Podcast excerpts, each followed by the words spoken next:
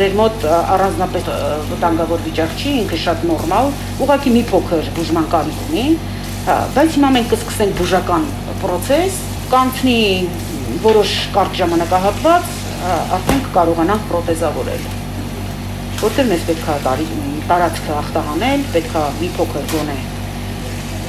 ժամանակ անցնի ու արդեն մենք սկսենք իրան գեղեցկացնել։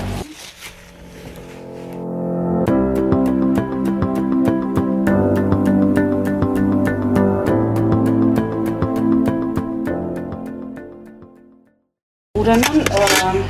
իմ մասնագիտական ուղին մի քիչ ավելի երկար է ու բարդ, որովհետև ես ավարտել եմ Երևանի Պետական կոնսերվատորիան, ավարտել եմ կարմիր դիպլոմով ու արվեստի շատ հետաքրքին, շատ բուրըն գործունեություն էի ծավալել ազատություն համույթի հետ, այսինքն մեներկչուհին էի այդ համույթի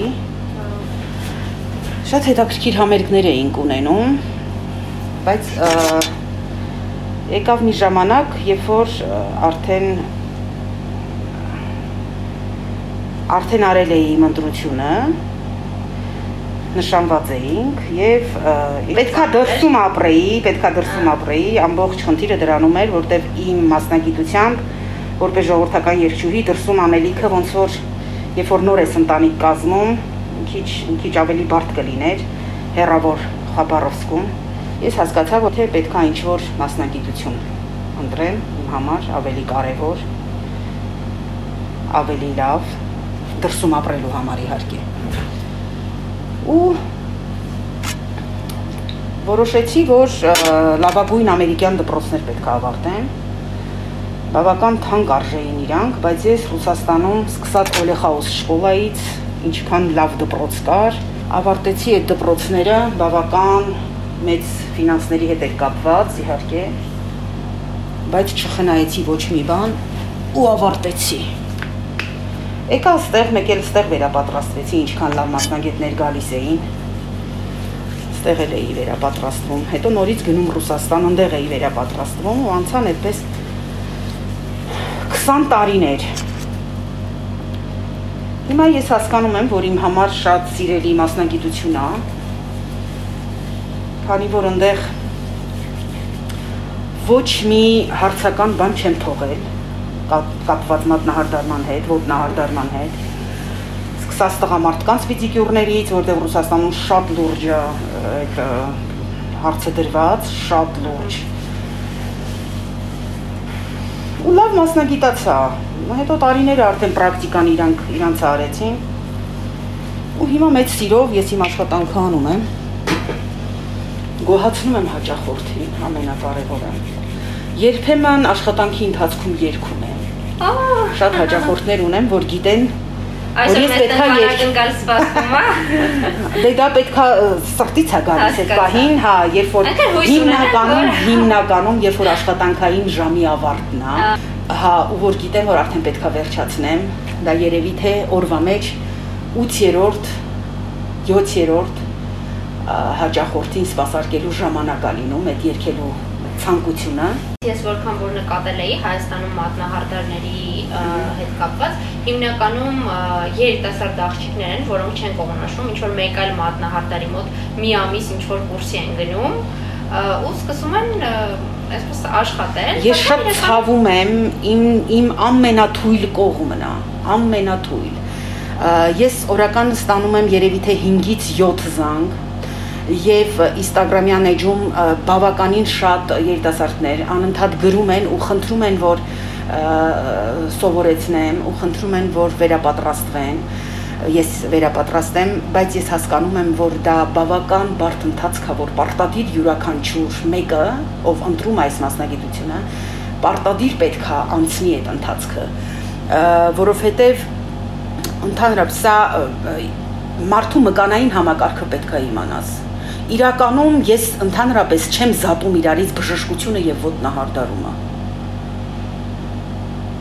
որովհետեւ մարդու կյանքի հետ գործում ես նախ իմ համար առաջնահերթ համարում եմ ամենակարևորը նախասերիլիզացիա սերիլիզացիա ամենակարևոր բանը Դրա համար վերջին ժամանակներում ես ձեռք բերեցի օզոնային ստերիլիզատորներ, որ վերջին սերնդի ամենազարգացած ստերիլիզացիան է համարվում։ Իրանք բավականին արժեքավոր ուրեմն ապարատներ են։ Պետք է ընդամենը 3 րոպե, որ դու կարողանաս ամենաբարձր մակարդակով քո գործիքները ստերիլիզացնես, հետո տանում եմ ես լաբորատորիա, որտեղ ախտորոշում են եւ իդեալական ստերիլ վիճակում են իմ գործիքները դա շատ կարևոր է ես համարում եմ, որ պետքա իդեալական տիրապետես այդ ամեն ինչին, որ կարողանաս մարդու հետ գործ ունենաս, հասկանալի է։ Շատ շատ օրենքից դուրս բաներ են խնդրում հաճախորդները, որ անես։ Օրինակ ինձ շատ են խնդրում։ Հաճախորդը գալիս է ու սարսափելի ինչ որ վնասված եղունգ ունի։ Ահա որ, ահա որ, այնտեղ կա եւ սնկային հիվանդություն եւ այլն։ Հիմա դու բացատրում ես, որ չի կարելի սրա վրա պրոթեզավորել, լիցքանել, չի կարելի, ընդհանրապես ինքը քեզ համոզում է ու ասում է որ ես իմ առողջական վիճակը ինձ ավելի է հետաքրքրում ու ուզում, քան ձեզ պետք է հուզի։ Խնդրում եմ, արեք ինչ որ ասում եմ։ Ես ասում եմ կարող եք օգտվել ուրիշ սալոնների ծառայություններից։ Իմ մոտ դա բացառվում է։ Բայց մարդը ասում է կներեք, ես ունեմ լավ առիթ եւ ոչ մի սալոնի լիցքը չեմ ուզում, ձերն եմ ուզում։ Այդտեղ խոստանում են, որ մի 3-4 օրից կգան այդ լիցքը կհանեն բայց խափում են, չեն գալիս հանելու ու իրանք իրանք լավ են զգում այդ գեղեցիկ սարկած եղունգներից, բայց դա արհեստական եւ ոչ ցանկալի, ոչ ճիշտ պրոցեդուրա է, որ կատարվում է, ընդամենը մի կես ժամ, մի ժամ ընթացքում, բայց իրանք ուրախ երջանիկ գնում են։ Ես վերջերս գտա դրա նաև մոտեցման ձևը հատուկ թղթեր պատրաստեցինք, որտեղ ստորագրում են որ ես գիտեմ, որ դա վտանգ է Իրանից ներկայացնում, բայց ես ուզում եմ, որ մասնագետը պրոթեզավորի իմ եղունգը։ Ես հասկացա, որ դա ինչ որտեղ իրենց վախացրեց, բայց ամեն դեպքում էլի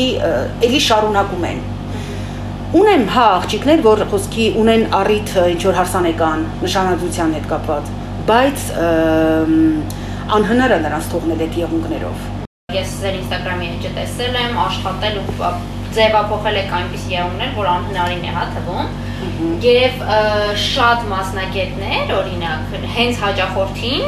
երբեմն այսպես վատ վիճակի մեջ են, հա, դրա համար դնում, հենց իրեն են այնպես անում, որ հետո հաջախորդը ամաչում է, այլ մասնագետի մոտ չի գնում։ Միգուցե ինչ որ խորհուրդ այդ մարդկանց, ովքեր ինչ որ խնդիր ունեն, բայց չգիտեմ, ամաչում են կամ մտածում են, որ մասնագետը իրենց կքննադատի, այդ պատճառով չեն գնում շատ են դեպքերը, իհարկե, շատ-շատ են, երբեմն հարցնում եմ, ինչի եք այսքան հետաձգել։ Ասում են առաջնահերթ որ չենք հետևել, դա հենց մասնագետից ամաչելն է։ Այսինքն վատ է զգում հաճախորդը, երբ որ ունի տենց խնդիրներ, չի ուզում գնա մասնագետի մոտ։ Չէ, անհարմար զգալու բան չկա։ Ամենակարևորը ժամանակին նկատել խնդիր ու ժամանակին դիմել մասնագետի հիվանդանոցներում էլ կան մասնագետներ, պոլիկլինիկաներում կան մասնագետներ, պաթոլոգներ կան, տարբեր, տարբեր, տարբեր կարգի։ Ամեն մարդ իր հարևանությամբ նույն տարածքում կարա մտնի թե վիրաբուժի մոտ, ուղակի հարցնի, մի հատ խնդրում եմ ուղղություն ցույց տվեք, պարտադիր չի հենց դիմեն իմ կարգի կամ ինչ որ պաթոլոգների կամ յուրաքանչյուր վիրաբույժ ինքը շատ հանգիստ կարա այդ հարցի լուծումը տա, երբ որ խնդիրը սկսվում է ուղղակի